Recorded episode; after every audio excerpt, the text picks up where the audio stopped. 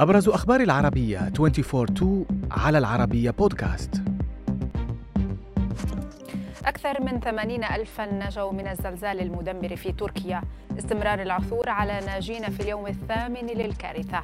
زعيم كوريا الشمالية يمنع تسمية البنات باسم ابنته. رغم تلاشي الأمال بالعثور على نجين تستمر عمليات الإنقاذ في اليوم الثامن لوقوع الزلزال المدمر الذي خلف أكثر من 37 ألف قتيل في تركيا وسوريا حتى الآن.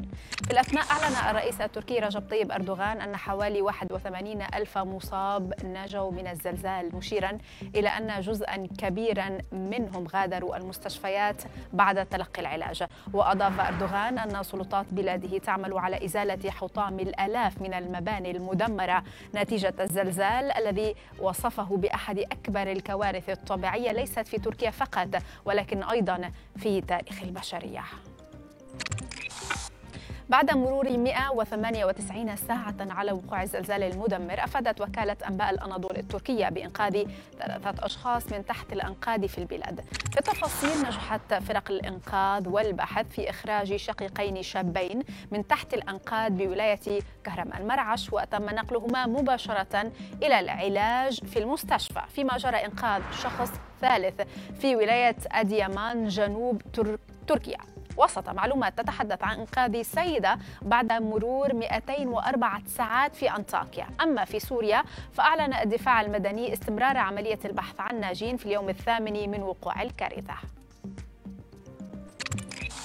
قدر اتحاد الشركات والأعمال في تركيا حجم الخسائر خسائر الزلزال المدمر بنحو 84 مليار دولار متوقعا ارتفاع عجز الموازنة من 3.5% إلى 5.4% على الأقل وكالة بلومبرغ نقلت عن بيان للاتحاد التركي بأن الزلزال العنيف تسبب في دمار مبان سكنية بنحو 70.8 مليار دولار إضافة إلى 10. مليار دولار أخرى في صورة خسارة في الدخل القومي. فيما قد تكلف هذه الخسائر في القوى العاملة اقتصاد تركيا نحو 2.9 مليار دولار إذ ضرب الزلزال عشر قطاعات تركية وأثر بقوة على ملايين الأشخاص.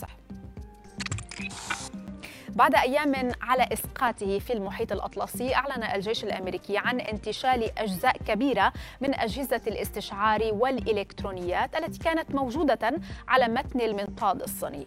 القيادة الشمالية الأمريكية أوضحت في بيان أن فرق البحث انتشلت كمية حطام كبيرة من الموقع بما في ذلك جميع الأجهزة أجهزة الاستشعار ذات الأولوية وقطع إلكترونية جرى تحديدها. فيما قالت أمريكا إن المنطاد كان يستخدم لأغراض التجسس ودخل أجواءها قبل أيام من إسقاطه. تؤكد الصين أنه منطاد مدني يستخدم لأغراض الطقس. وفي خبرنا الأخير كتبت صحيفة Business Insider في تقرير لها أن زعيم كوريا الشمالية كيم جونغ أون أصدر قرارا يمنع النساء أو الفتيات من تسمية أنفسهن باسم ابنته جوي آي القرار تضمن أيضا أنه يجب على كل أنثى تحمل هذا الاسم الذهاب لمكتب تسجيل الأسماء وتغييره.